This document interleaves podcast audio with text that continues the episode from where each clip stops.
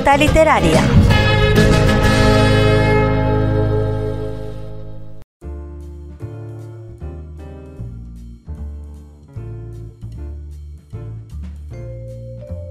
Hola amigos, para el día de hoy he querido escoger a uno de los autores universales que han creado más controversia.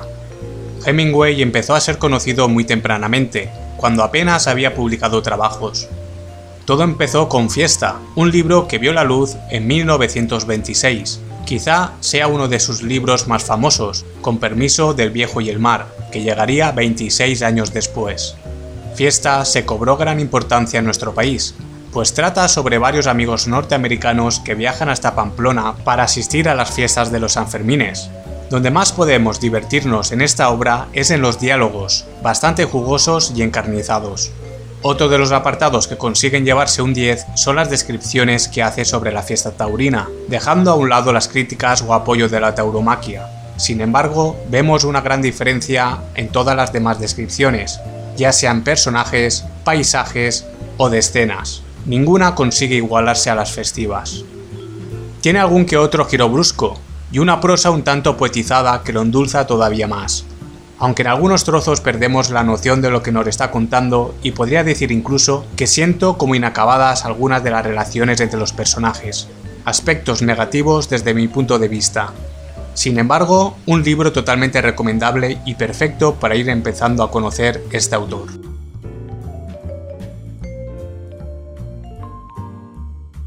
Ernest Miller Hemingway nació en el estado de Illinois, Estudió periodismo y vivió una vida sin tiempo para el aburrimiento.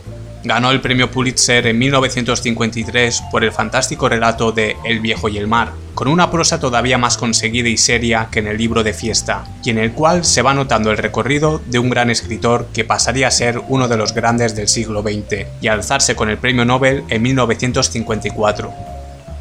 Las guerras marcaron el ritmo de vida de Hemingway, empezó enrolándose en el ejército y enviado como conductor de ambulancias al frente italiano, lugar donde fue malherido a causa de una explosión y después de estar varios meses postrado en una cama de Milán, volvió a Estados Unidos.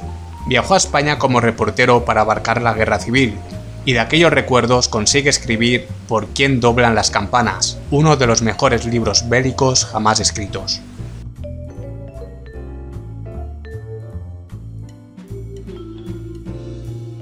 París fue una ciudad que entusiasmó al escritor. Vivió en ella en varias temporadas. Allí conoció a grandes artistas como Picasso y Joan Miró, a James Joyce, con quien se dice que solía sobrepasar los límites de la bebida, a Gertrude Stein y Ed Rapone, miembros de la popularizada por Hemingway Generación Perdida, asignada a los escritores norteamericanos que vivieron en Europa entre la Primera Guerra Mundial y la Gran Depresión de 1929.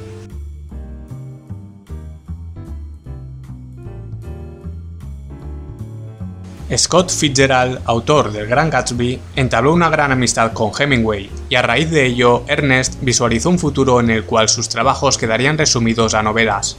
Como gran viajero que fue, visitó África y China, y también vivió en Cuba, otro de sus lugares favoritos donde escribió muchos de sus escritos. Con la muerte de varios de sus amigos escritores, Hemingway cayó en una dura depresión, que acabaría ganándole la batalla final, suicidándose en julio de 1961.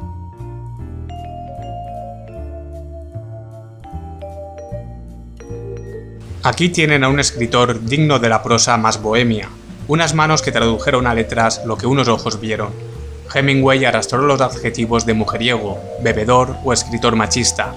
Yo prefiero recordarle como una persona con suerte, que consiguió eludir a la muerte en la guerra y a los accidentes aéreos, que vivió el amor de la manera más apasionada posible y que escribió lo que el corazón le dictó.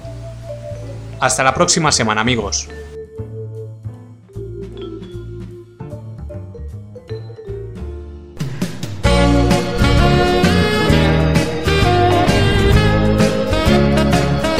Nota literaria.